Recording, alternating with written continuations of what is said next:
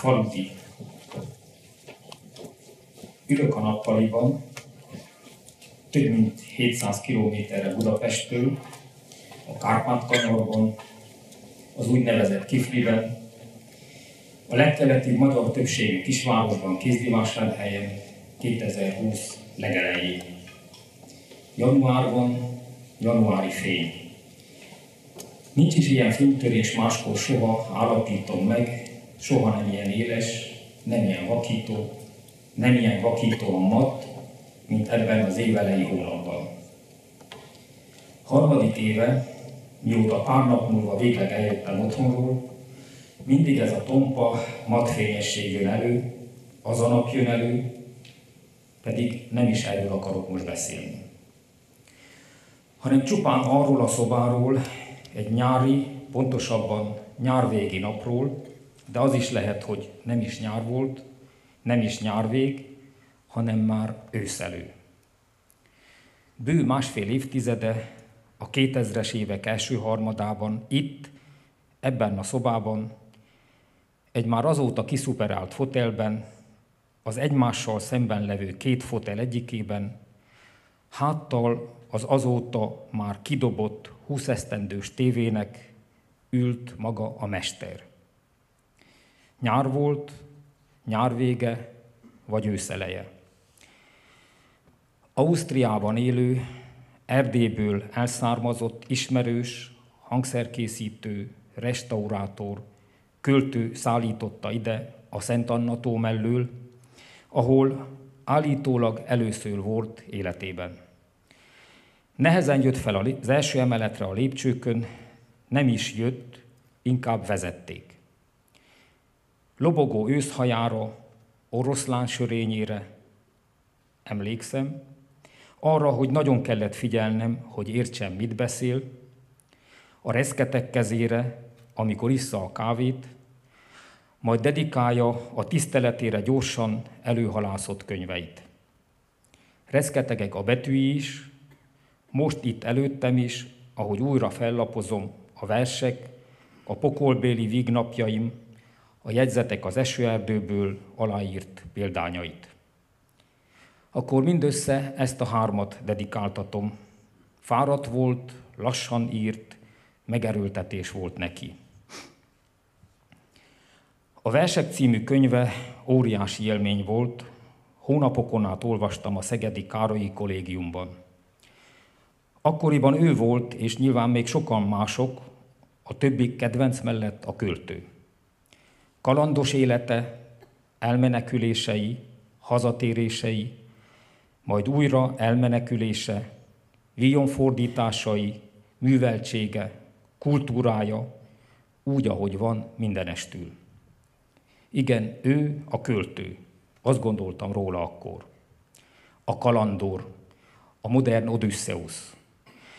És lám, alig telt el pár esztendő, és itt ül a nappaliban, abban a kiszolgált fotelben, a lobogó hajával, a reszketek kezével, ahogy majd, hogy nem kilöttyinti a kávét, a furcsa, alig érthető beszédével, motyogásával, ott ül az élő költő, alig hiszem el, zavaromban, lelkesültségemben fogom a két kisgyerekemet, és megkérem, hogy odagugolhassak mellé egy fotó erejéig. Katt. És az a fotó, ahogy a két kisgyerekkel oda begugoltam, nagyon tisztán beégett akkor a retinámba. Ülünk tehát a nappaliban, a 2000-es évek első harmadában, és a mester kísérője, szállítója, gyámolítója, osztrák állampolgár barátunk éppen azt meséli, hogy hogyan ülték körül a fiatalok a Szent Anna tó partján, hogyan lelkesedtek érte, és ő hogyan beszélt nekik, hosszan mesélt a kalandos életéről, meneküléseiről, hazatéréseiről, katonáskodásáról, boldogságról és boldogtalanságról, 56-ról és a börtönévekről, Európáról és Amerikáról, Afrikáról és Óceániáról. Végül verseket mondtak, nem is mondtak, szavaltak a Szent Anna tó partján. Ilyen se volt rég, vagy tán sohasem, mondja a barát, hogy a katlan az egykori vulkán kürtője fölött felbukkanó nap versekre emelkedjék ki a tótükröt körülölelő fák csúcsai fölé. A mából visszatekintve azon a 2000-es évek elejé napon, bő évtizeddel a kommunizmus után, amikor egyetlen érettségi előtti külföldi bulgáriai utazást, meg két gyerekkori magyarországi budapesti párnapos kilándulás leszámítva, szinte sehol nem járt a nagyvilágban az akkorot pózoló, a világlátott, világot járó mester mellett gyerekeivel guggoló, még viszonylag fiatal ember. De talán azok sem, akik előző este áhítattal körülülték az agmestert a Szent Annató partján, és hallgatták, és szavalták, és legszívesebben megérintették volna, hogy vajon igaz-e, hogy az élő, a húsvér ember van itt köztük, íséges, kultúra és költészetmentes, egyébként mindenmentes idők után valaki, aki bejárta a nagyvilágot, bátor volt, és most visszajött ide, a hazájába, sőt, eljött Erdélybe is hozzánk. Ugrik a kép visszafelé. Csobánka 90 vagy 91. Mózsiék, Zalánék, valamilyen irodalmi tábor. Kis faházak, előadások, írók, Eszterházi is, és a többiek. És Faludi, Faludi György persze. Éjfél után van, aludni szeretnének első, másodéves diákok, akik ki tudja milyen pénzzel, stoppal, vonattal, busszal eljutottak ide. Aludni szeretnének, de nem jön álom a szemükre. Vékonyak a falak, a deszkafalak, valaki jól áthallatszik, rettenetesen horkol. Próbálkoznak így is, úgy is, forgolódnak, aztán feladják. Inkább kimennek a szabadba, innen is, onnan is szállingóznak kifelé a házikokból az álmos, kialvatlan, aludni nem tudó emberek, hiszen ez a horkolás nem túlzás, majd hogy nem eget földet rengető. Odébb, a félhomályban, talán egy gyengén megvilágított helyen emberek, táborlakók, középen pedig ő ül és mesél, az élő klasszikus. 1956 után a legelső alkalommal pár évvel azelőtt, 1988. szeptemberében látogatott haza, és példátlan fogadtatásba részesült. Ferihegyen népes tisztelgő tömeg várta, a következő napon meg a szemerkélő, majd zuhogó eső sem tántorította el a sok száz fős tömeget a több órás sorállástól. A pesti Samueli, ma Lónyai utca közepén éppen megnyílt ötvös könyvesboltban nem csak a legendás, aznap nem tévedés százezer példányban megjelent Villon kötetét dedikálta az összetévezhetetlen hajkorójánájú mester. Az előálló szerencsésebbek a Pokolbéli végnapjaim című, Amerikában a Püski kiadó által gondozott magyar nyelvű memoár maradék példányait is megvásárolhatták.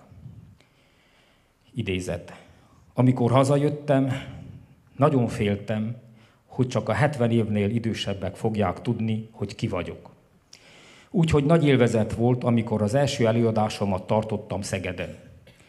Bár úgy indult, hogy a város vezetője, a nevét már elfelejtettem, kijelentette, hogy amíg ő ott van, én nem nyithatom ki a pofámat. Így mondta, amire az egyetem rektora odaadta az auditorium maximumot. Este nyolckor kezdődött az előadás, és vagy egy negyed óráig tartott, amíg egyáltalán be tudtam jutni, annyian jöttek el. És bár 50 percnél nem szoktam tovább beszélni, éjjel egyik tartott az előadás.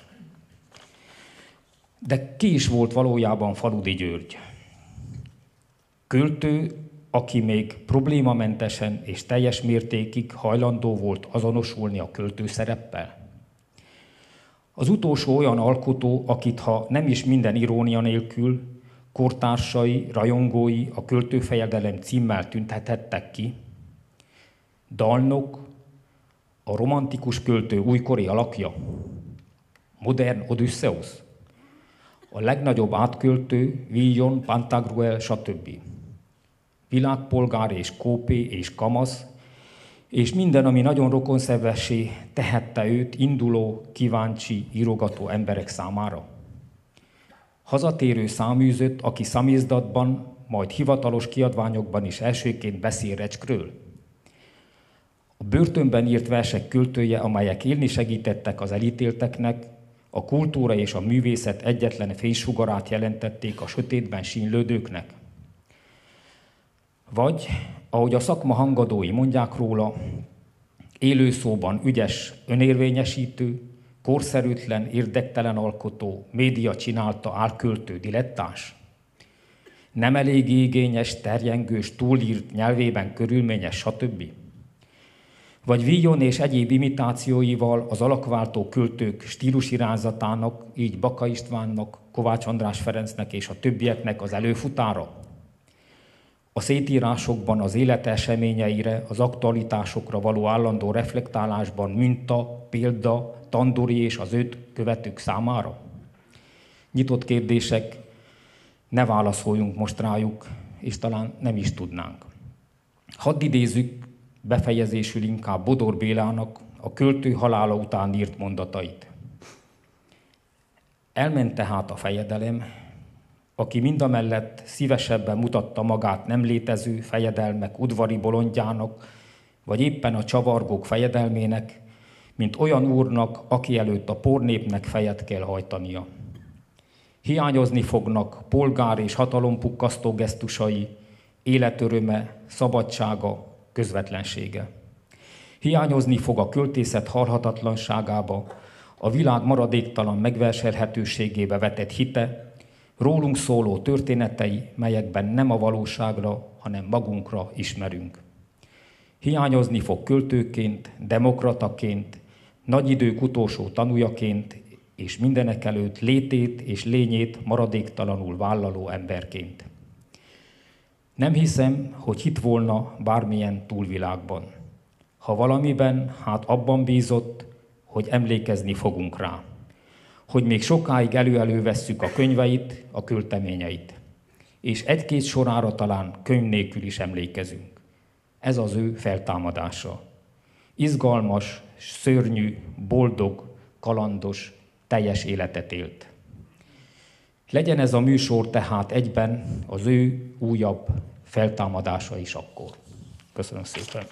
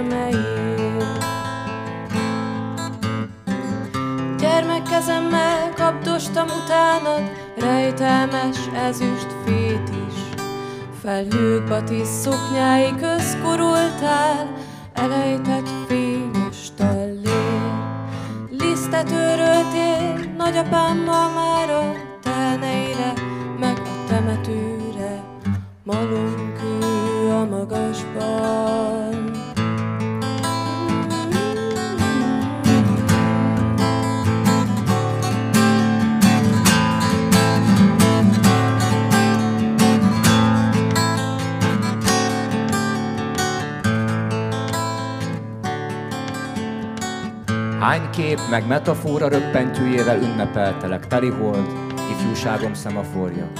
Ofélia, kibomlott őrült melle a mennyei patakban. Márvány metszési óra, ki beleszerettél a hónapokba, és eldobtad hitvány mutatóidat. Transzcendentális angyalság opálja, mikor rátelepszik az égi árnyékszékre. A kamaszkölyök Herkules heréje, miről mamája púderozva, mielőtt a lányokhoz engedi.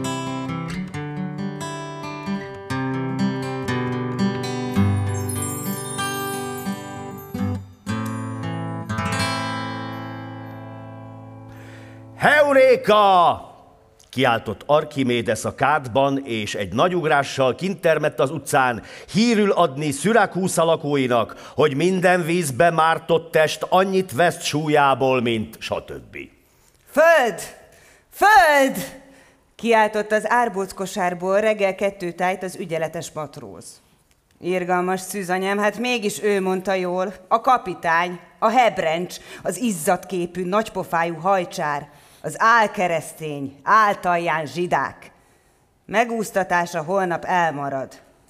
E lapos part, a kincses India. S most, 60 éve, hogy pesgett a lég, amikor Wilbur Wright Párizsba ért, parkokban, kertekben, meg a boában tenyérnyi gyepcsíkon biplánok álltak. Kockás nadrágban és szalmakalapban soha fel nem serdülő kamaszok dolgoztak rajtuk éjjel. Most is érzem karbidlámpáik meg a vérszagát.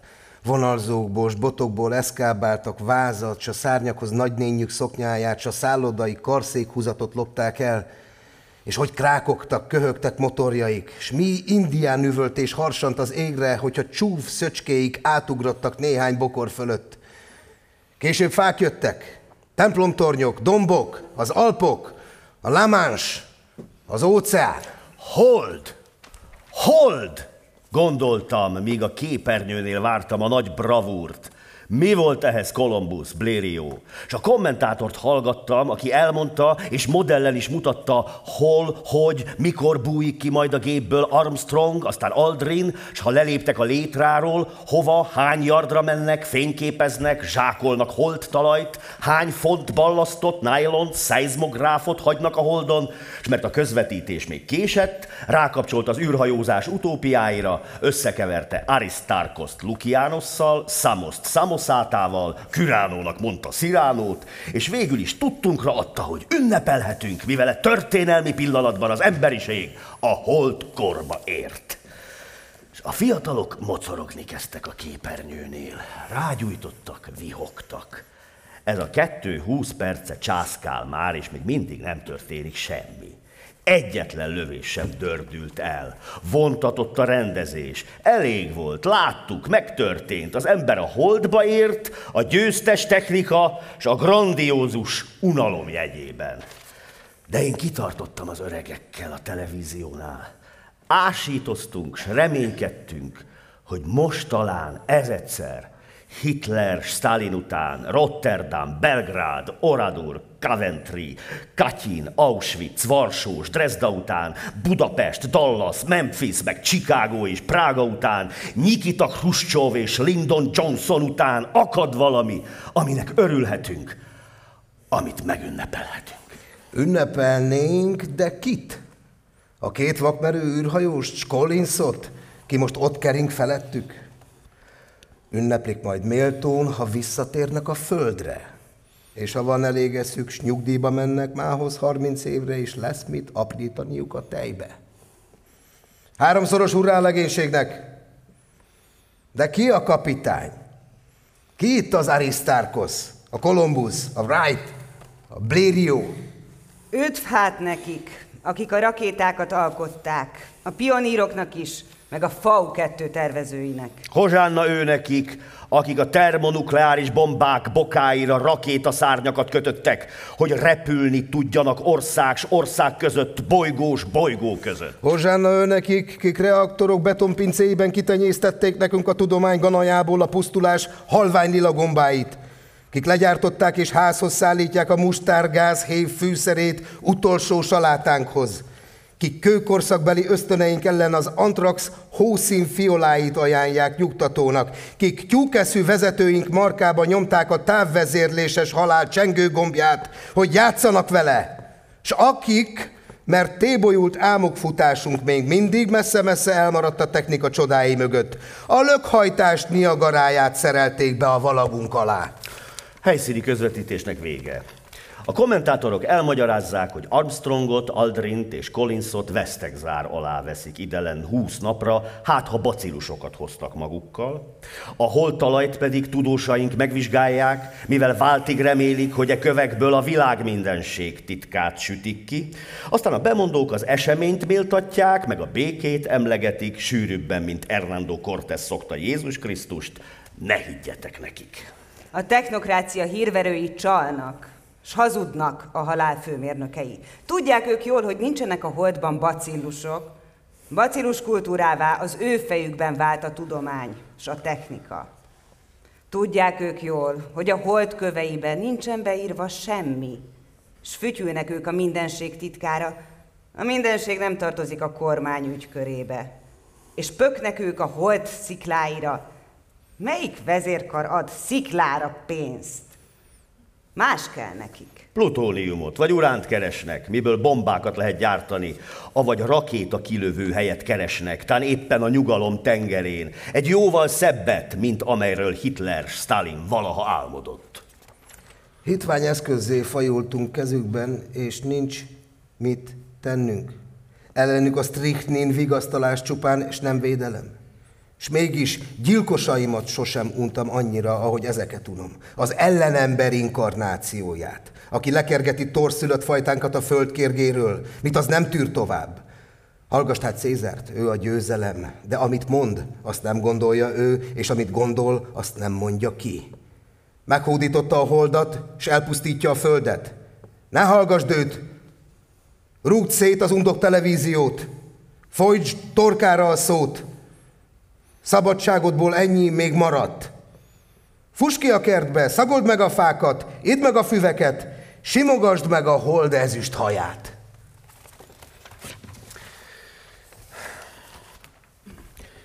Születésem évében Ferenc József császár és király még biztonságban ült, vagy katonás szokása szerint állt trónján.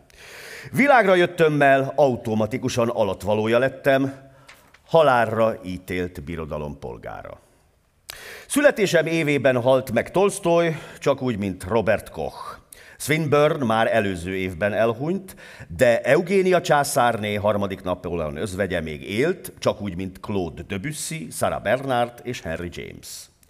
Hitler éhenkórász utcai festő volt Bécsben, Lorenz ezredes Oxfordban diákoskodott, Szergej Jeszinyin 15 évesen verseket próbálgatott Oroszország legmélyében, és egy Vladimir Ilyich Lenin nevezetű, obskurus politikai megszállott Zürichben azt tervezte, elég a nyomorból, kivándorol Amerikába, és ott üzleti vállalkozásba kezd. Bár így történt volna. Míg gyermek voltál, hallottad a fákat és az őzeket beszélni. Egynek láttad a mindenséget. Kilopta el tőled az összhangot. Meg akarod keresni? Indulj el lelked ősvizén evezni. Tekints a mélybe. Dobd a leveződet. A legboldogabb akkor voltam, ha a malomba mehettem, és megtelepedhettem a lisztes zsákon. A malom az udvar végében állt, nagyapám nyugodtan, szokott mozdulataival végezte mindennapi munkáját, de olykor-olykor megállt előttem és mesélt. Ilyenkor kibudjanó kék szemét rám szegezte, bikanyakát még jobban meghajtotta, mici sapkája kissé billegett a fején, a húzat meglengette kortól és lisztől duplán fehér szakállát, hosszú szárú pipáját úgy fogta marokra és tartotta maga elé, mint egy horgászbotot. Nem tündérmeséket mesélt, sem köznapi dolgokat nem említett, sem munkáját nem magyarázta, mindez nem érdekelte. Csak két téma lelkesítette.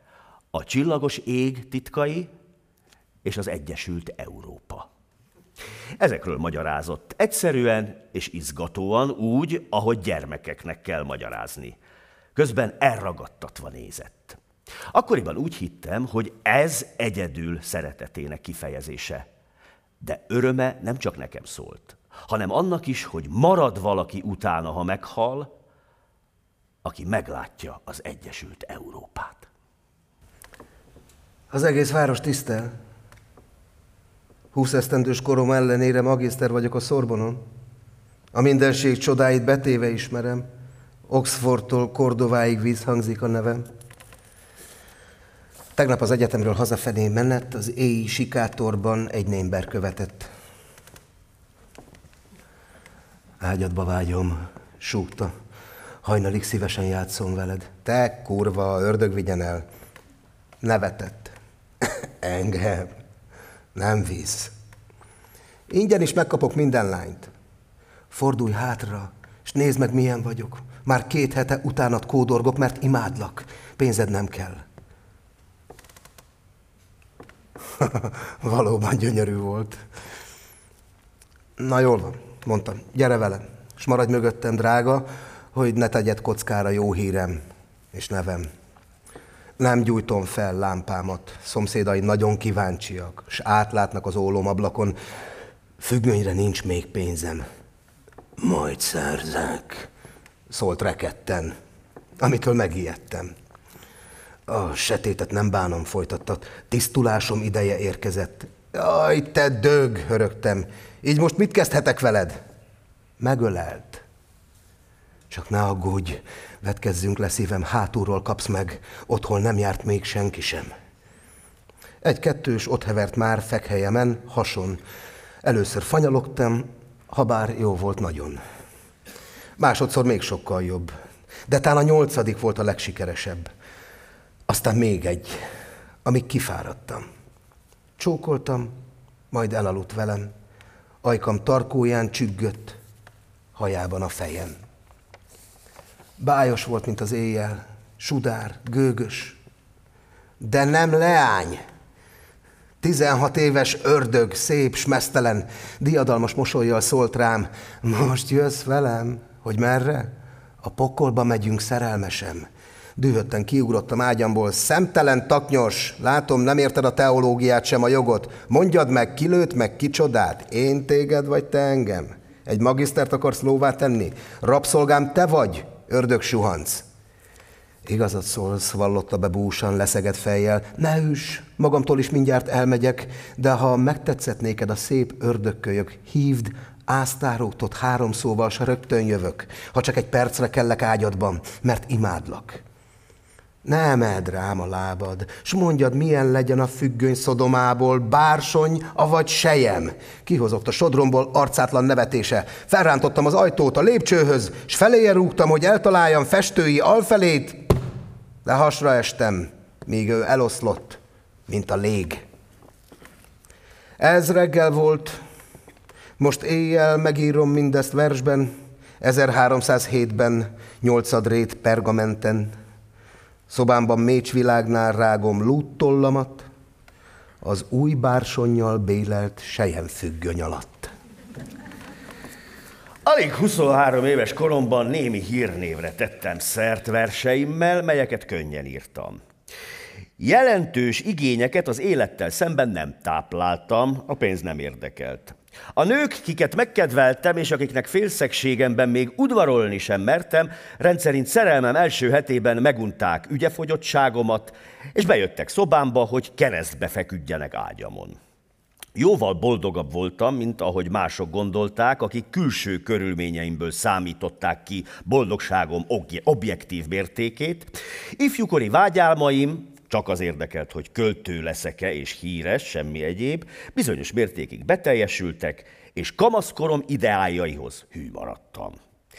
De leginkább azért voltam boldog, mert a létezés mezítelen ténye, a puszta élet egymagában is boldoggá tett. Annál boldogabbá, minél jobban féltem éjjelente a haláltól. Mesterségem részletei, egy három szótagú rím bármikor jobban érdekelt, mint a külső események, az emberek, anyagi gondjaim és jövőm. Bécs, 1860. Fiatal kezdőszínésznő vagyok.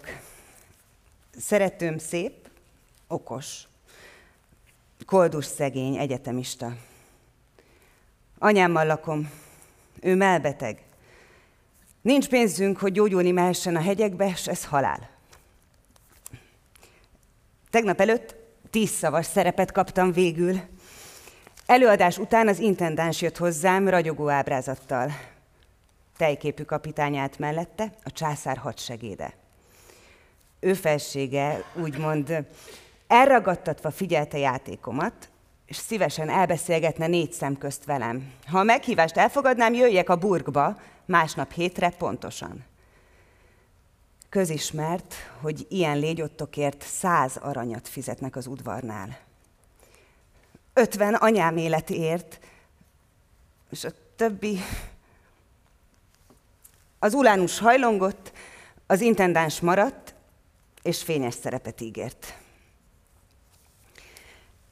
Tegnap hétkor a burgba mentem, legszebb ruhámban. Pompás hálószobát vártam, de a lakály hitványkuckóba kísért, pár vén bútorral és rokkant kerevettel. Két markos pestonka, fehér batisztban nem hagyta rajtam csak alsó szoknyámat. Szemüveges, pöttömke, nagyszakállú orvos lépett be. Intett, hogy feküdjek a pamlagra. Felhajtotta szoknyámat, felé rúgtam.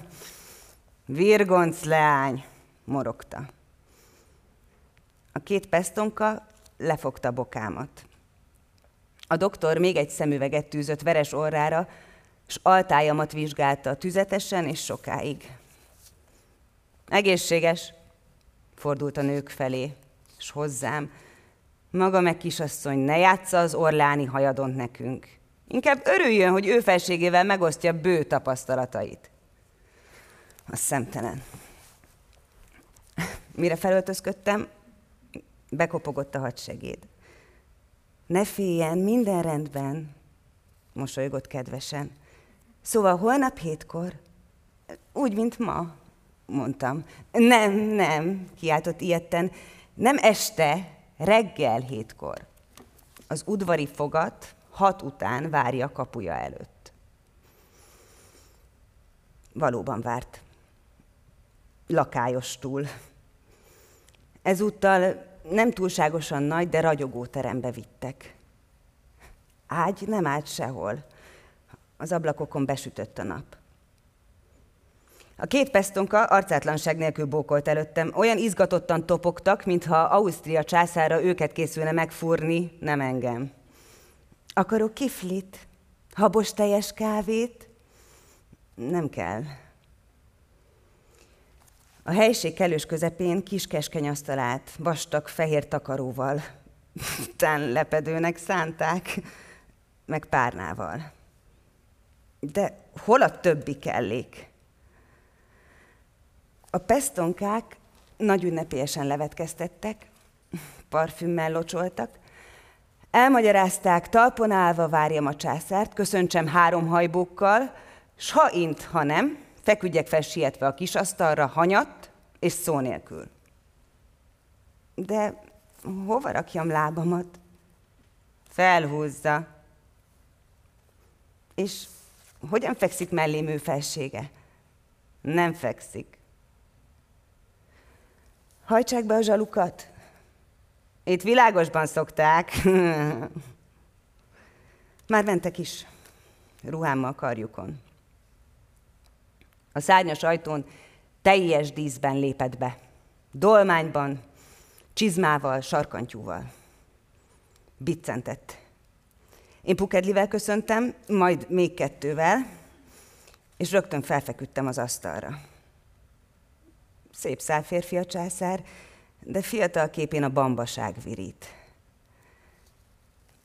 Gyorsan kigombolta nadrágját, és fehérkesztyűs kézzel előkaparta középnagy, piszkos sárga, ellenszenves farkát, és úgy állva, elég gyakorlottan belém engedte.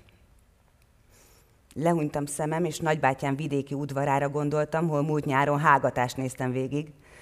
De azért szaporán riszáltam faromat, nyögtem, nehogy magömlését semmisnek minősítse, s elüssön az aranytól. Meglepő gyorsan jött néki. Mindjárt hátralépett, és kendőbe csomagolta a keveset, mi farkából maradt. Rögtön szalutált, és kisarkantyúzott. Aztán a pesztonkák jöttek ruhámmal, majd a kedves Ulánus kapitány. Átnyújtotta a valódi sejemmel bélelt nehéz borítékot. A császár suttogta, legfőbb megelégedését fejezte ki. A kapuig kísért. Bőgjek-e, vagy vihogjak? Jó anyám megmenekült. Gyónni megyek vasárnap, aztán evésivás. Úgy gondolom, hogy Isten, szerelmem, Poldi, megbocsát. 1938. novemberében Budapesten nagyobb társaságban voltam hivatalos. A vendégek közt szerepelt egy angol képviselő is, egy kövér, konzervatív és melankolikus báró, valamint néhány sovány, radikális és vidám író kollégám, valamennyien a baloldali szépirodalmi folyóirat munkatársai. Beszélgetésünk fő tárgya a Hitler és Chamberlain közötti Müncheni megegyezés volt, és annak következményei. Vitatkoztunk, kiabáltunk, gesztikuláltunk, és végre oda jutott jutottunk, hogy elismertük, Hitler azt teheti Európában és Európával, amit akar. Az alsóházi tag rövid előadást rögtönzött. Azzal kezdte, nem azért jött Budapestre, hogy ügyeinkbe beleszóljon, de engedjük meg, hogy szerény tanácssal szolgáljon. Attól tart, ha a németek egyszer bevonulnak Magyarországra, nem lesz többé módunk, hogy nézeteinkért helytálljunk. Folyóiratainkat betiltják, könyveinket elkobozzák, bennünket lecsuknak, és titkon akasztanak fel. Azt tanácsolja, hagyjuk el Magyarországot. Két hónapon belül a katolikus költőt kivéve, a társaság valamennyi tagja már elhagyta Magyarországot. A konzervatív, orientalista báró meg sem állt Indiáig, egyesek Amerikába, mások Angliába emigráltak. Én Párizsba mentem.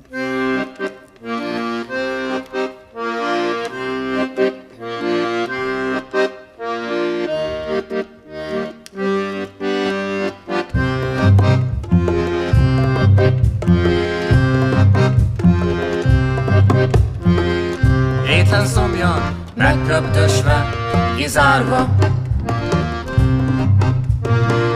Sántam bénán, süketen és vakon.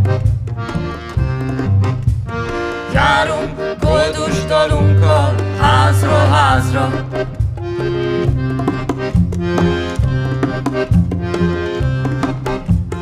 Tovább megyünk a végtelen világnak. Megdögnünk egyszer egy véncsőr alatt. A férgek undorodva megzabálnak,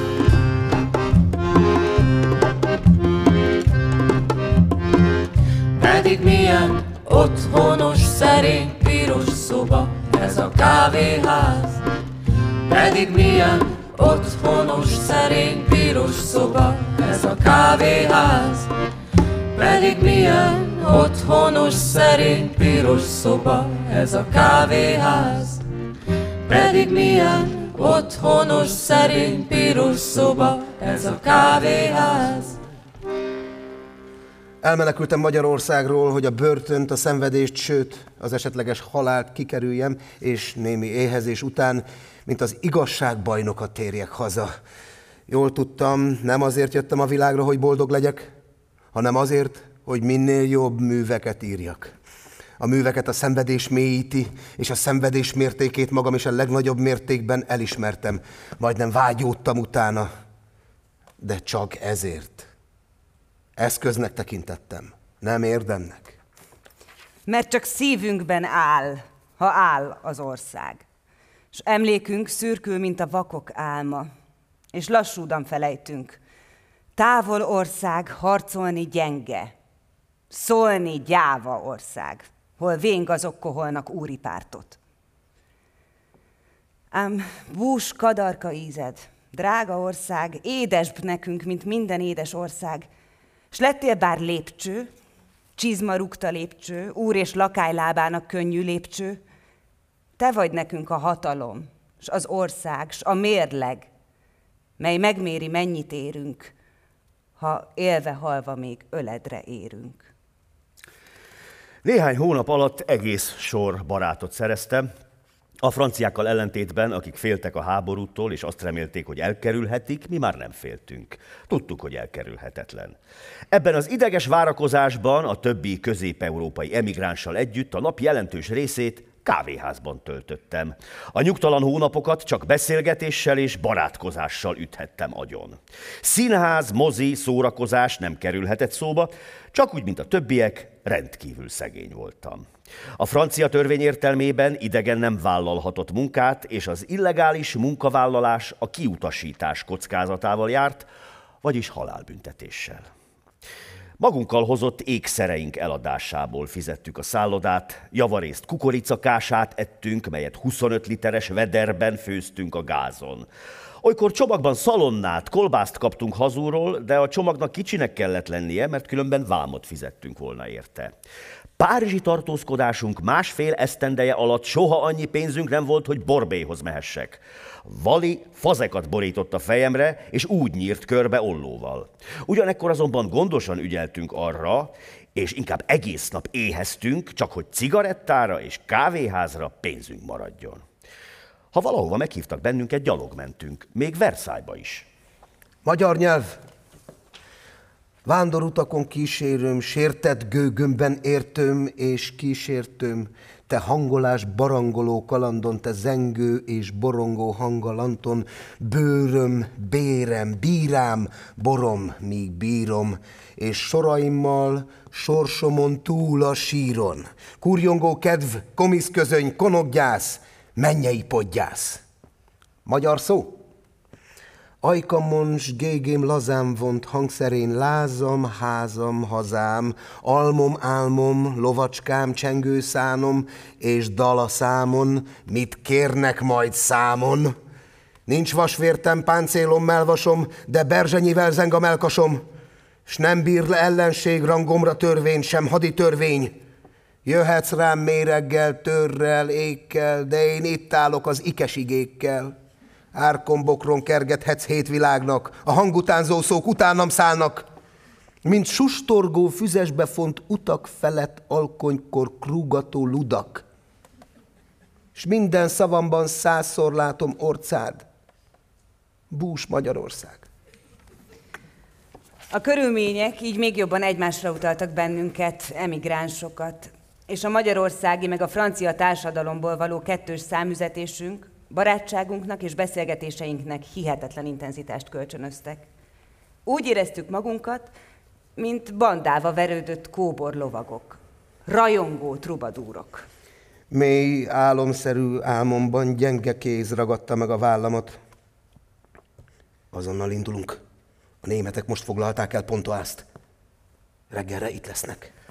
Amikor kitört a háború, katonának jelentkeztem a francia hadseregbe, Miután alkalmasnak nyilvánítottak, azt reméltem, hogy tartózkodási engedélyt kapok, legalább addig, amíg behívnak. Behívás helyett egy nap kiutasítási végzést kaptam. Tíz perc alatt becsomagoltunk, és már ott bandukoltunk a tikkasztó országúton.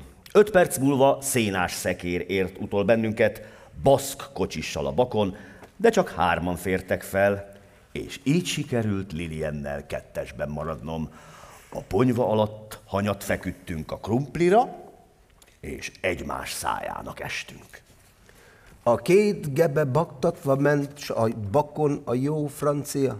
Felvett minket két idegent, befektetett a krumplira. Nem francia, ez annyi szent, tán katalán, tán baszk fia, de semmiképp se francia. Szőkére festett lilium a ponyvás krumplis kocsiban. Franciaország veszve van, a feleségem messze van. Blúzod nyolc gombját kinyitom, szőkére festett lilium a ponyvás krumplis kocsiban. Montobánig jó óra még, s hol sétál kétszer két kezünk? Jövőnkre nincsen óvadék, míg Montobánba érkezünk. A krumplin, mely szép rózsakék, egyet vagy kettőt vétkezünk. Jövőnkre nincsen óvadék. Azt kérdezed, mi lesz velünk? Tömegsír és nem hull a ház, tán vágóhídra érkezünk, tán Frankó sintjén éhezünk, talán fejünkre gyúl a ház, de most még egyet élvezünk. Tömegsír és nem hull a ház. Vidulj fel! Útban vagy Afrika felé. Bíztattam magam. Jobb lesz, mint a krumplis kocsin. Hat óra tájt a hajó elhagyta a partot, de kifutás előtt meg kellett fordulnia. A manőver sokáig tartott, figyeltem a kormányos próbálkozásait. Amikor a műveletet már hatodszor kísérelte, hirtelen síri csönd támadt a fedélzeten. Mindenki a magasba nézett.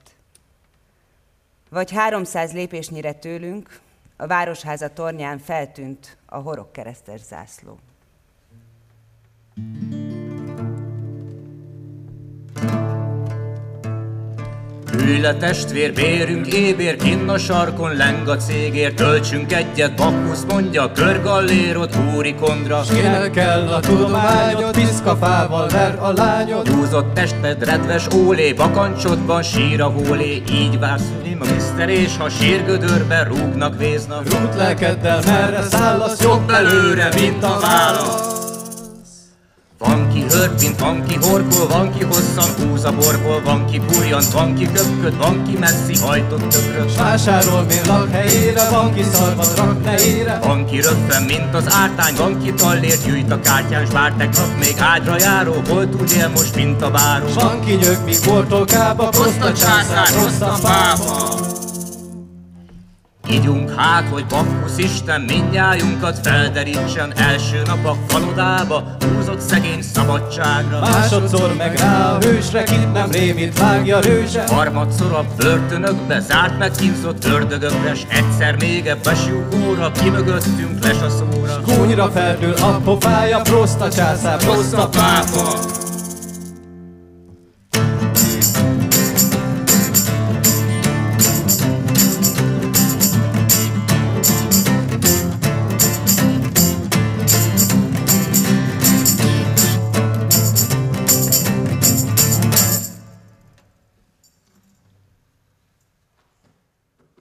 Ötnapos utazás és éhezés után érkeztünk meg a kaszablankai kikötőbe.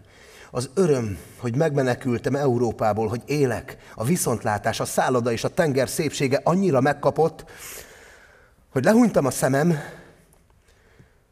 és mosolyogva hallgattam.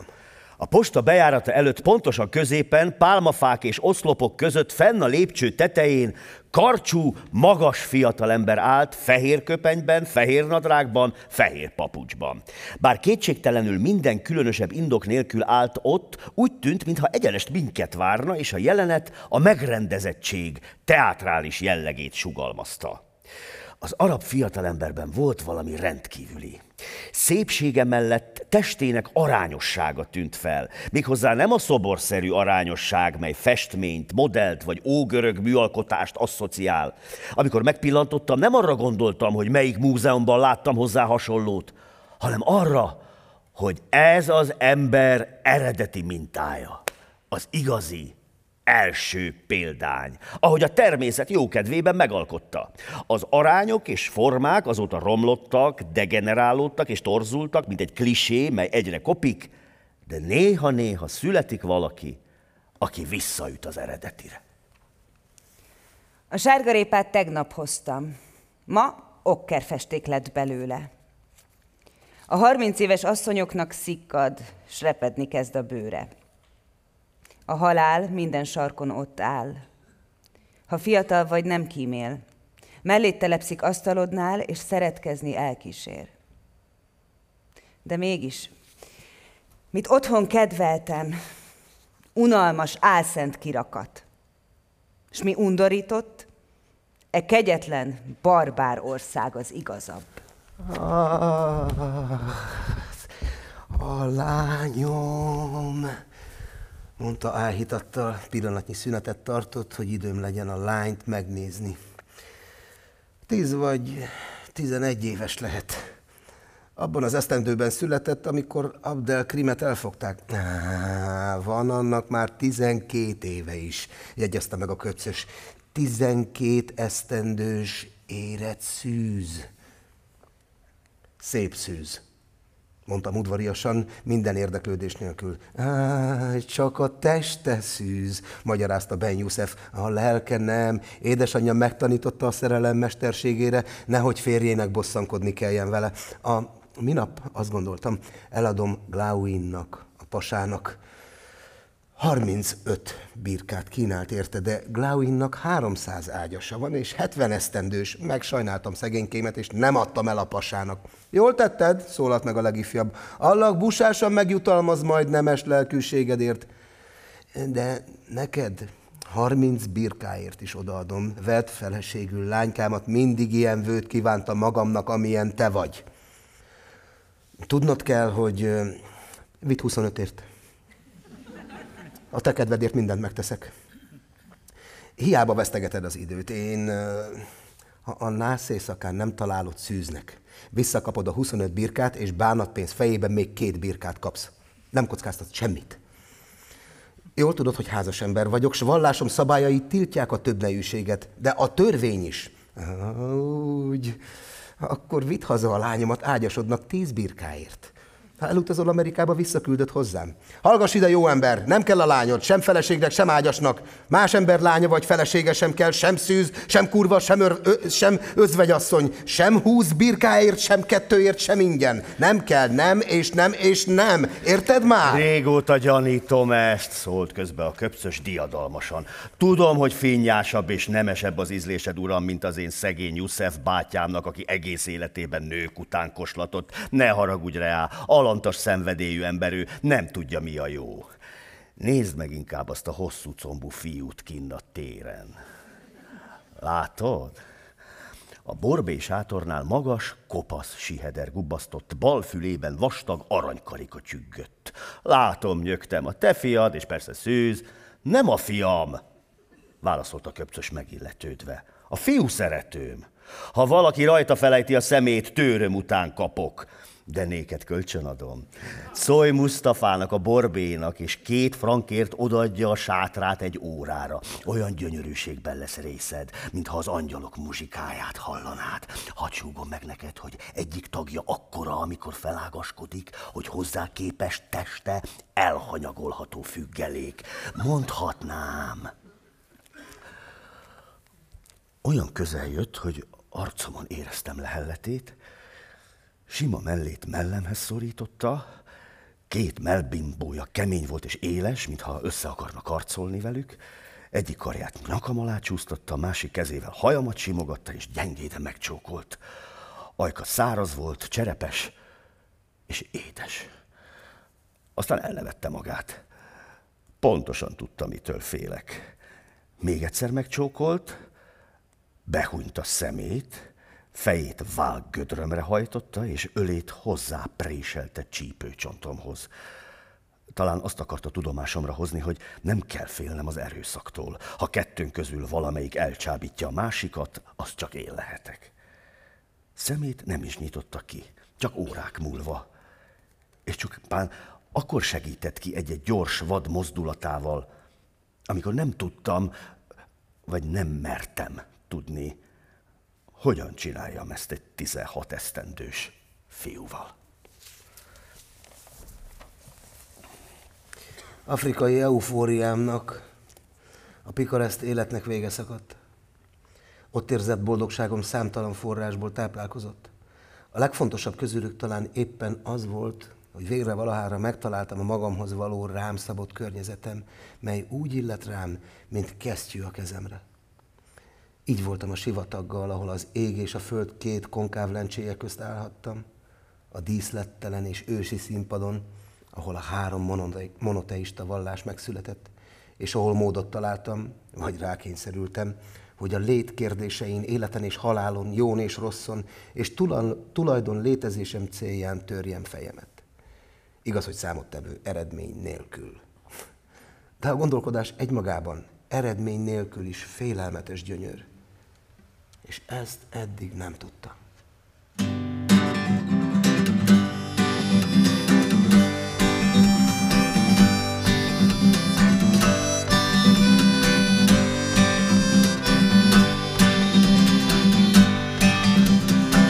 Mint nagy kalap, borult rám a kék év, és hű barátom, egy akadt a köd, rakott állak közt, kivert az éjség, s halára fáztam, Rövid kájhák előtt, amerre nyúltam, csak cserepek hultak, és szájam szélig áradt már a sár.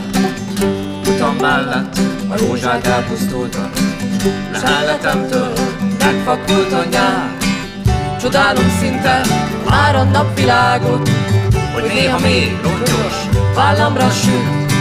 Én ki megjártam mind a hat világot, megállva és lekötve mindenütt.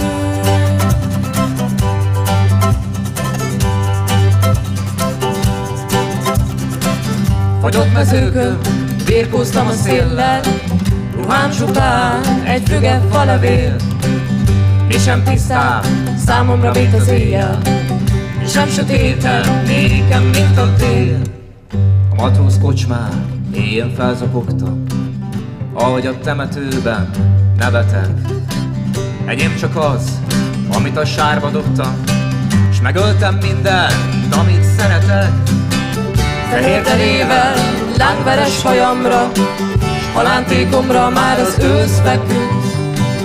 S így megyek, fütyülve egy magamba, megállva és le mindenütt.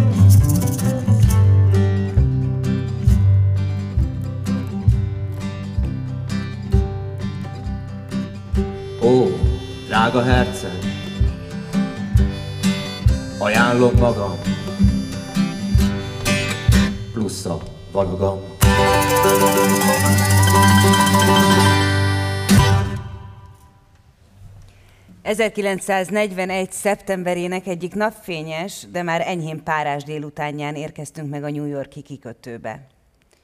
Rozog a spanyol teherhajón, a Náve Máron keltem át az Atlanti óceánon, több mint ezer menekült utitársammal együtt. És bár szinte pontosan a Santa Maria útvonalát követtük, átkelésünk tovább tartott, mint Kolumbusz Kristófé. Jelentkeztem az Egyesült Államok hadseregébe, behívtak, és 1945. decemberében szereltek le.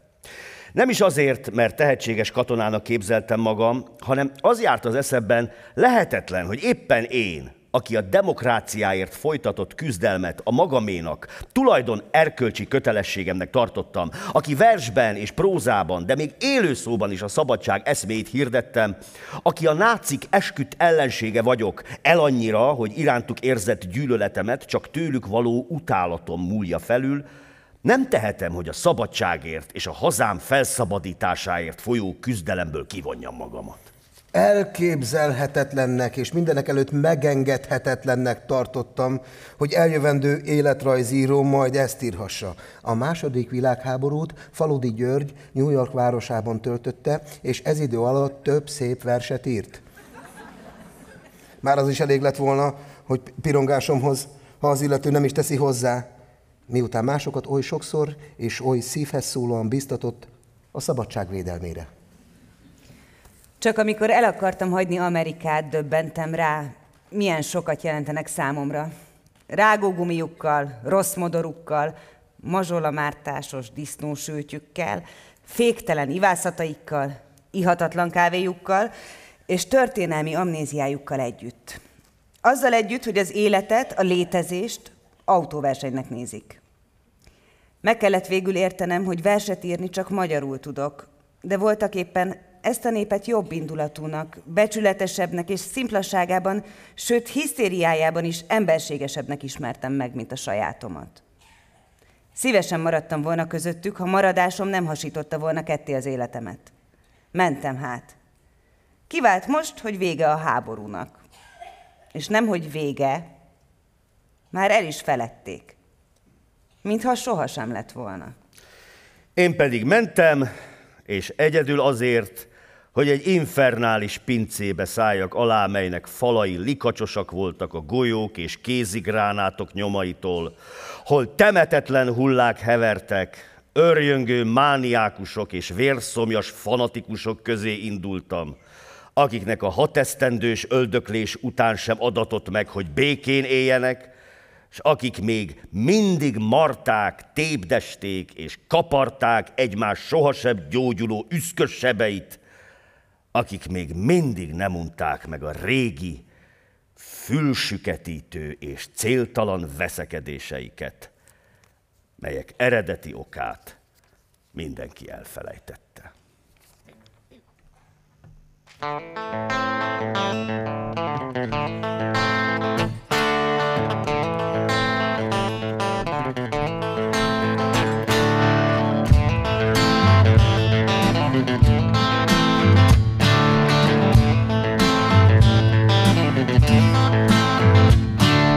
Magyar költő miért él Amerikában? Hajó visz haza, szívem meg a lábam. És nem az eszem, de a kíváncsiság. Egy más világba, vagy a más világ. Azt is szeretném látni, hogyan épül Demokrácia, demokraták nélkül Azt is szeretném látni, hogyan épül demokrácia, demokraták nélkül.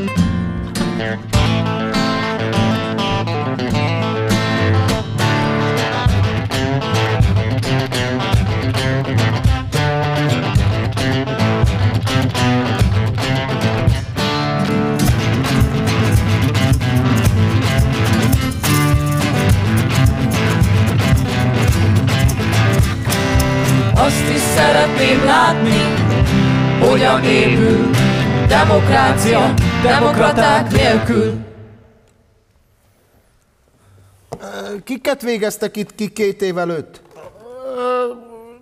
De nem tudom. Hol volt 44-ben? Miskolcon? És nem hallott arról, mi folyik itt? De hallottam, de nem emlékszem, talán csendőrök végeztek ki magyar katonaszökevényeket, vagy zsidókat, vagy, vagy partizánokat. Á, szóval még a vörös hadsereg megérkezése előtt történt? Igazán nem tudom, lehet, hogy utána. Oroszok végeztek magyar csendőrökkel, vagy zsidók nyilasokkal. Fegyveres zsidók jártak itt? Nem tudom, Faludi úr. De tessék mondani, Faludi úr, hát nem mindegy már. Nekik is mindegy. Hát miért nem mindegy nekünk is? Jó, hagyjon magamra. Nekik mindegy. Nekem nem. Gondolom. De hallgatok. Mit is nagy képüsködjek. A falhoz állok, és megsúgom magamnak. Hazaértél. Hajtsd mélyre homlokod. Két éve jöttem el Amerikából. Állásban ült, s lopott itt mind, aki él és lélegzik. Én az országot jártam falut falu után, tanítani rozzant pajtákban, hol a hold ezüstje pótolta a hiányzó léceket. A dőlőúton este a sofőrrel nyulatgázoltunk, hogyha éhesek lettünk. Aludtam ágyban, szénabogján, szempillám közt a csillagok hegyes tűjével. Így oktattam irodalmat, s történelmet csűrben, szőlőhegyek tövén, kertekben, iskolákban, téli pusztákon, meg a nyári Balaton mellett. Szabad hazáról álmodoztam, és fölébredtem a szovjet gyarmaton. Akkoriban mindennapos eseménynek számított, ha valaki a villamoson felesége gyilkosát ismerte fel a mellette ülőben, vagy a Váci utcai neves és régtől szolidnak ismert műkereskedés kirakatában vitrinje legszebb darabját pillantotta meg. Ön szerint mi a bűnöm? Há, nincs bűn. Szóval kidobnak? Há, nyavaját. Mi okból? Kit egyszer idehoztak, itt kell, hogy megdögöljön. Hülyékre nincsen szükség. Miért hülye? Kérdeztem. Ő felé fordult büszkén, ajkán ferde mosolya.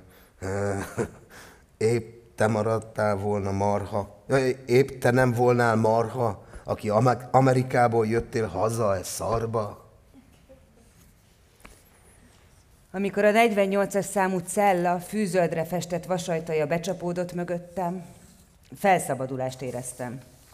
Mélységes, átható felszabadulást. Az éjszakák jó részét azzal töltöttem, hogy fel cellámban, és verseket csináltam. Az alvást itt nem erőszakolták az emberre, sőt, az őrök vihogtak. Lám, szenved, már aludni sem tud, hamarost bevallja azt is, amiért felakaszthatjuk. Eleinte zavart, hogy se asztal, se papír, se ceruza, de eszembe jutott, hogy nem csak Homéros csinált verseket fejben, mielőtt a Hellének az írást ismerték volna, hanem én magam is, mint négy-öt éves gyerek. Tanuld meg ezt a versemet, mert meddig lesz a könyv veled? Ha a tied kölcsön veszik, a közkönyvtárban elveszik, s ha nem, papírja oly vacak, hogy sárgul, törik, elszakad, kiszárad, foszlik, megdagad, vagy önmagától lángra kap. 240 fok már elég. És mit gondolsz? Milyen meleg egy nagyváros, mikor leég? Tanuld meg ezt a versemet. Tanuld meg ezt a versemet, mert nem sokára könyv se lesz. Költő se lesz, és rím se lesz. És autót hoz, benzin se lesz. És rum se, hogy leidd magad, mivel a boltos ki se nyit. És kivághatod a pénzedet, mert közeleg a pillanat, mikor képernyőt kép helyett halálsugarat közvetít. És mert nem lesz, aki megsegít, ráébredsz, hogy csak az maradt tiéd, mit homlokod megett viselsz. Ott adj nekem helyet. Tanuld meg ezt a versemet. Tanuld meg ezt a versemet, s mondd el, mikor kijöntenek a lúgtól poshat tengerek, s az ipar hányadéka már beborít minden talpalatföldet, akár a csiganyál, ha megölték a tavakat, s mankóval jön a pusztulás, ha fáján rohad a levél, a forrás dögvészt gurguláz, s ciánt hoz rád az esti szél, ha a gázmaszkot felveszed, elmondhatod a versemet. Tanuld meg ezt a versemet. Tanuld meg ezt a versemet, hogy elkísérjelek. Lehet, s túléled még az ezredet, s pár kurta évre kiderül, mert a bacillusok dühött revánsa mégse sikerül, és a technológia mohó hadosztályai több erőt mozgatnak, mint a földgolyó. Memóriádból szedd elő, és dúdold el még egyszer velemes sorokat. Mert hova lett a szépség és a szerelem? Tanuld meg ezt a versemet. Gimnazista koromban találtam rá apám könyvtárában Ludwig Börne, a német liberális újságíró műveire. Börnét egy ideig közeli barátság fűzte helynéhez, de aztán összevesztek. Ekkor Börne radikális cikkeinek hangja békülékenyebbre fordult. Helyne Börnéről írt hosszabb tanulmányában egyebek között azzal magyarázta a távfordulást, hogy volt barátja előző nyáron rendkívül olcsón 32 személyes, gyönyörű porcelán szervizhez jutott. A kínai csészéket és tálakat nagy ügyjel bajjal összecsomagolta, és sértetlenül hozta haza Párizsba. Nos, fűzi ehhez helyne, ha az ember politikai emigráns, úgy ne felejtse, bármikor üthet az óra, amikor menekülnie kell. Ilyenkor szatyorba dob egy váltás alsó neműt, melléje teszi kéziratait, és szalad a postakocsihoz. Ha viszont porcelán szervízéhez ragaszkodik, úgy helyben marad, és előbb elveit adja fel, aztán pedig porcelán szervizét is elszedik tőle. Menekülésre harmadszor 1956. november végén került sor. Második feleségemmel ezúttal gyalog és sárosan léptük át a magyar határt a Fertőtó közelében. A karabélyos osztrák határőr Guten Morgennel köszönt. Még setét volt. Kezében kislámpást tartott. Fénye, mintha a napvilága lett volna. Tudod-e, kérded, mit tettél magaddal, mikor elhagytad a hazát? Nagyon is jól tudom. Másodszor emigráltam, hogy szabadon írhassak, és agyon se üssenek. Több kollégám volt már így, nem hiszed?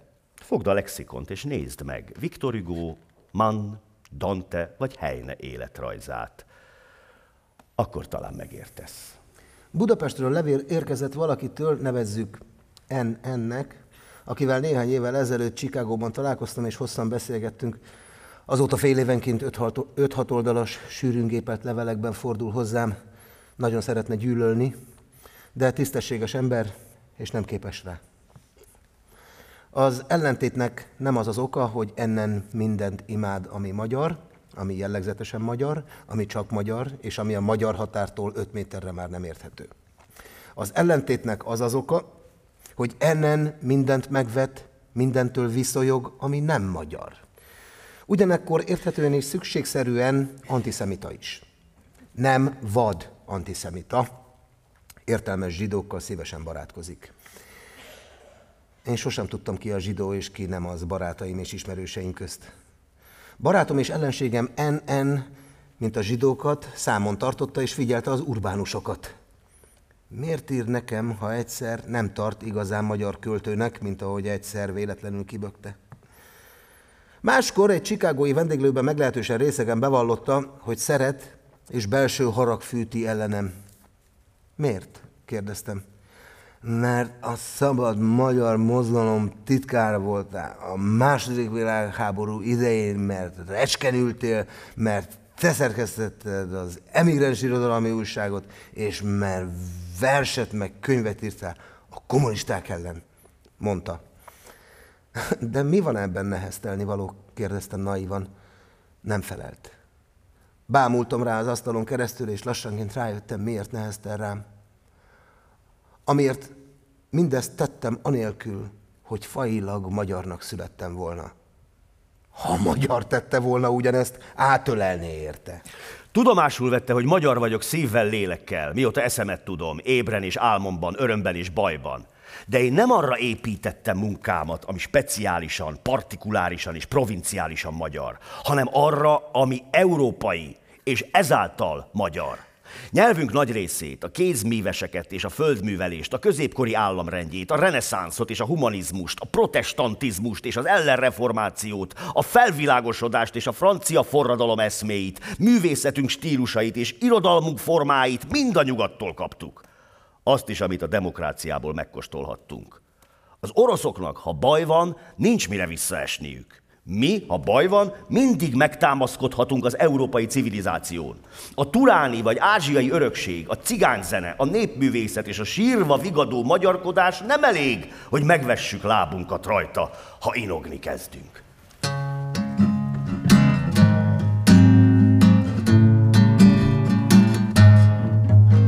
Ma éjféltájt a párna ránca közt, felébresztett a bánat hűvös ujja, melcsontomon verejték gyöngyözött, mert álmaimban otthon jártam újra.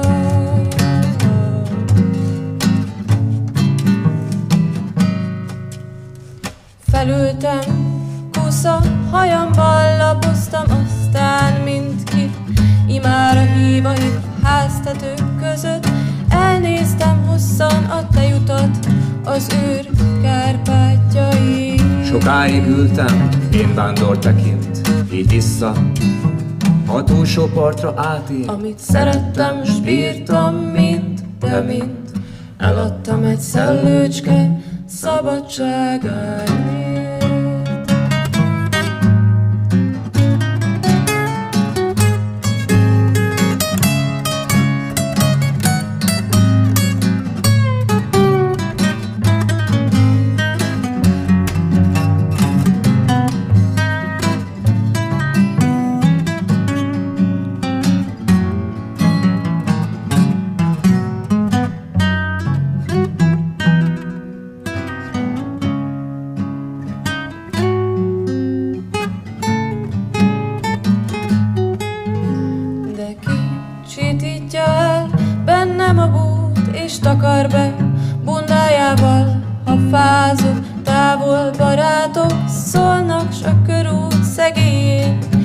Hívnak a poros akácok.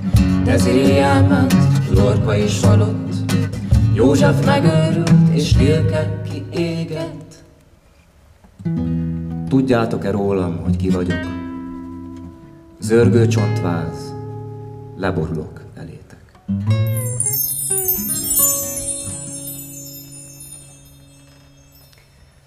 A német Spießbürger szónak angolban nincs megfelelője. Magyarra egyenes németből fordítottuk a nyáspolgárt, amiért valahogy kevesebb felelősséggel tartozunk e típus létezéséért. Vancouverben múlt héten találkoztam egyik jellegzetes közép-európai reprezentánsával. Megdöbbentem, mert elszoktam attól, hogy Észak-Amerikában ezzel az emberfajtával találkozzam. A nyárspolgár valójában kispolgár, de a kispolgár dühött és rátarti, ugyanekkor veszélyes változata. Lehet vagyonos vagy szegény, de a gazdagságot tartja a világ legfontosabb és legirigylendőbb állapotának.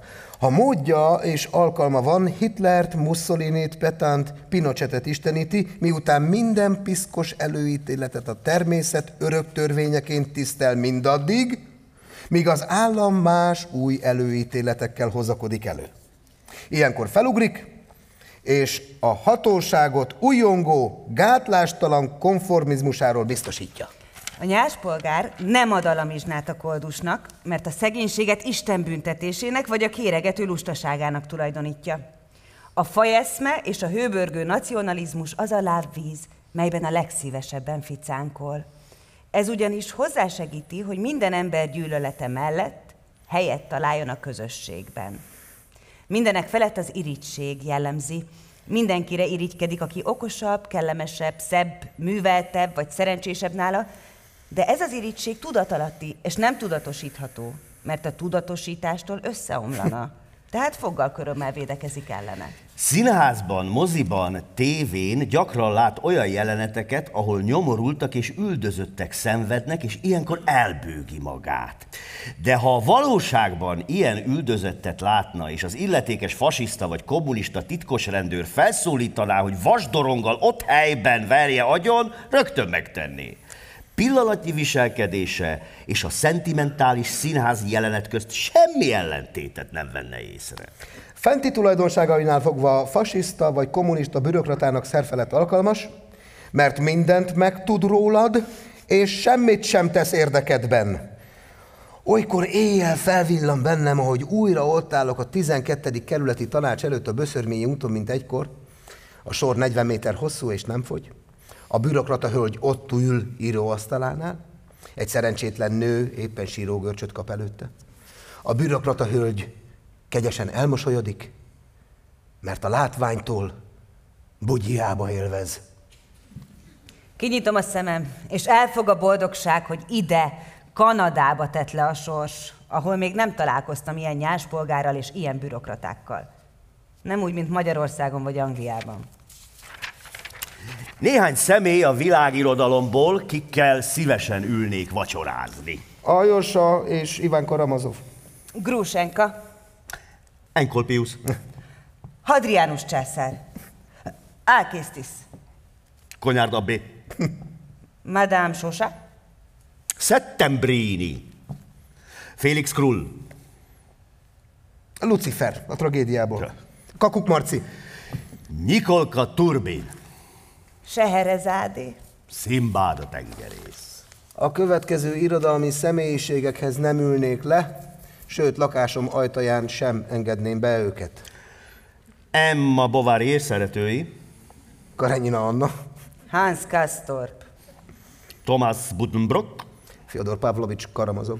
Julien Sorel, Mopasszám valamennyi férfi és nő alakja, a kurvák kivételével. Becky Sharp, Toldi Miklós, Médea, Csicsikov. Pierre a háború és békéből.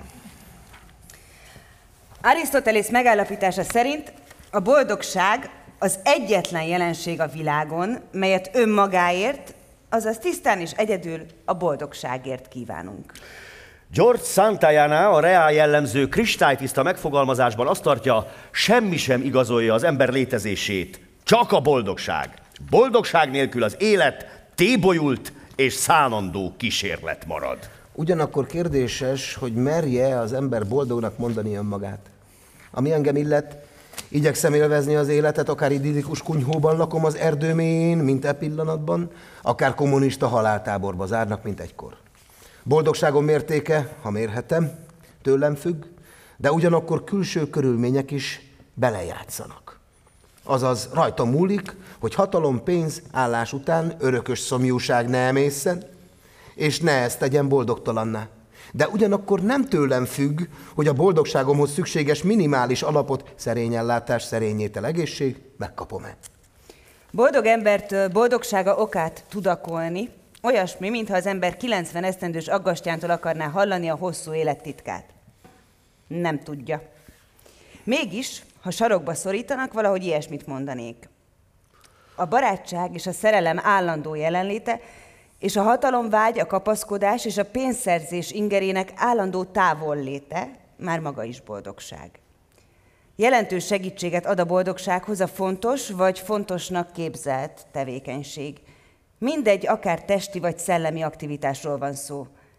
Nehéz depressziót érezni, ha az ember kertjében rózsafákat ültet, vagy éppen verset ír. A világirodalom egyetlen valamire való verse vagy regénye sem szól a boldogságról. Csupán embertársaink szenvedése, balsorsa és bukása érdekes és izgalmas. Elképzelhetetlen az olyan film, amelyben egy házas pár boldogságát mutatják 90 percen át. Dante pokla rendkívül érdekes olvasmány. A purgatórium lapos, a paradicsom egyetlen halálos unalom. És mégis, bármilyen abnormálisnak tűnik, azt állítom, hogy a boldogság az egyetlen normális állapot.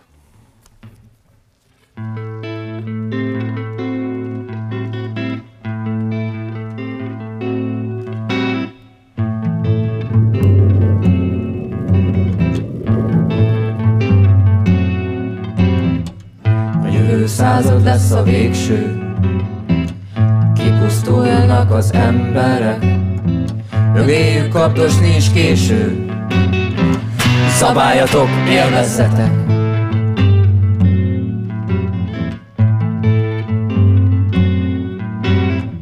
Ne gyűjtsetek pénzt, szórjátok szét, a pusztuló időszere port fúj belőle. Unokátok nem tud mit kezdeni vele,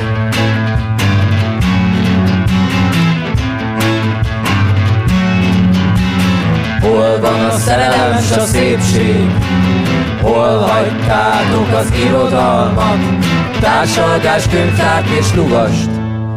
Haldokolnak vagy meghaltak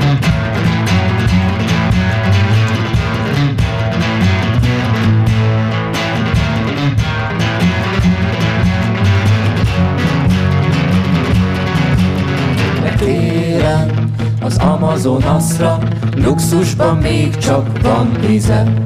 Nyáron Báliba, Szántropébe Nem tartott vissza semmi se. Ha nincs rá álmod, üljetek le A tévéhez olcsó utakra. Hallgassatok rossz zenét, filmet Mert nem hatol le a tudatba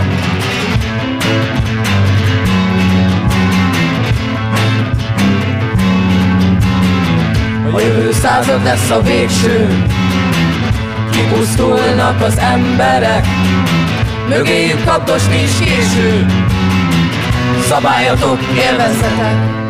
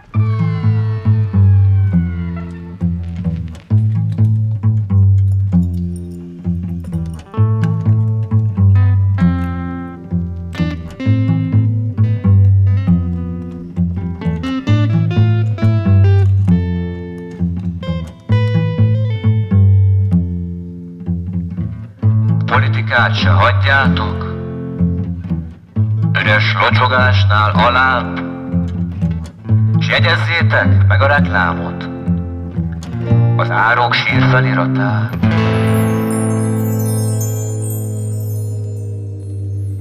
Gyönyörű, tiszta szeptemberi napfény. Megállt velünk a gép, de nem látok tisztán. Szememben érzem a boldogság ködét. Televízió, ünneplés. A pasztust nem nézi senki meg. Mondjam, hogy így reméltem. Miért hazudjak? Nem álmodtam ilyet.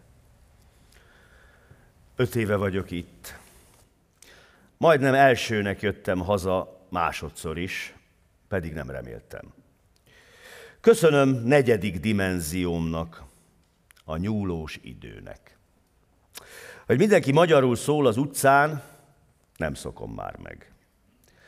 A beszélgetés mélyebb nálunk. Több a derék és az ocsmány, mint túlnan. Ott unalom, spihenés, itt mindennapos izgalom. Szívem mégis hazavonz, ha bár nem teljesen idevaló, de mégse idegen. Bárkámon állok, és azt gondolom a vizet nézve, hogy horgonyt vetettem, bár horgonyom csak egyre csúszkál a homokon. Ne sajnálj engem! Hány sok óceánban fürödtem véghetetlen 40 éves vándorlásom alatt. A koráltenger zöldes és feszes volt köröttem. A bokámnál száz szám úsztak a szivárványhalak. Kallaunál alkonykor vérveres lett a tenger. Máltán hegyes sziklák közt fürödtem, mesztelen. Friszkóban tarkóm s csípőm ívelt hídján hevertem a homokon. És a víz lágy volt, mint a szerelem. Talán 2020-ban, mondtam. Addig nem élek, és csontjaim sem érzik. Hunyt szemmel ezért láttam, képzeltem és idéztem minden nap, minden éjjel az új Magyarországot, 40 év bújdosásban. De most, hogy mindennapos köztünk a lehetetlen, látom, amit meglátni sohasem remélhettem. Jaj, bújdosó barátok, nem tudtátok megérni. Vámbéri, Jászi, Fényes, Szilárd, Zilahi, Kétli, Mikes, Kéripál, Köszler, Pálóci, Károlyi. Vagy jobb, hogy a jövendőt csak álomban láttátok? Köztünk élősködik még a pártoskodó átok, a falu meg a város avult harca. És lekésünk Európáról, mert csak egymásba döf a késünk. És bár elsőnek kezdtük, ott kell cammognunk hátul? Utóirat, mely temetésemet illeti 1935. Ültessetek fejem fölé egy árva kis szilvafát, s mellemre pázsitot. De a kékék szerelméért ne drága márványtömböt vagy gőgös gránitot, rendjeleket s dísz sírhelyt sose kértem. S bár hóhérkézben lengett életem, az úgynevezett úri tisztességhez mégis túl tiszta volt az én nevem. És ne tölődjetek halotti torommal, jó lesz nektek, ha van dohos kenyér, s ha nem nagy munka, írjátok korommal vagy kátrányjal egy szürke vagy fehér középnagy kőre, amilyen a réten a lábatok alatt ezer akad, hogy úgy ki és mi volt az életében, ki itt enyészik lenn a föld alatt.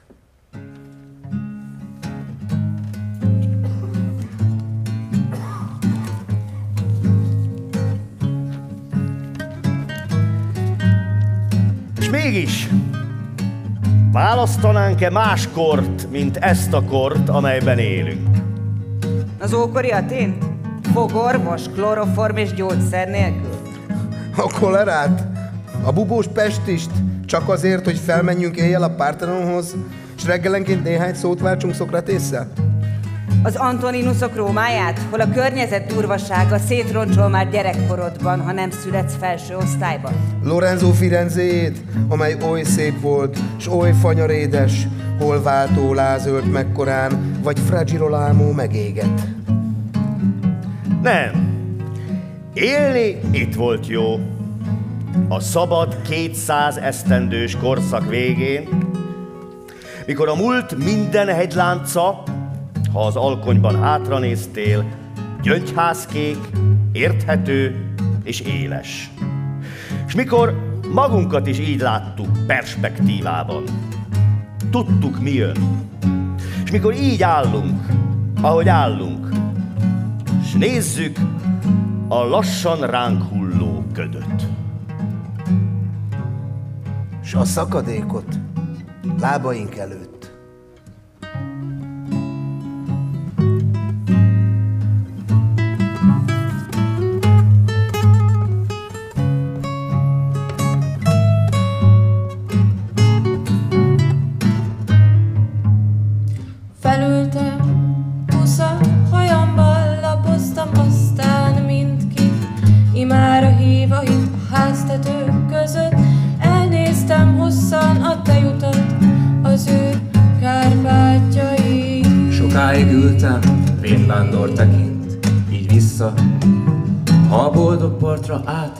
Átír,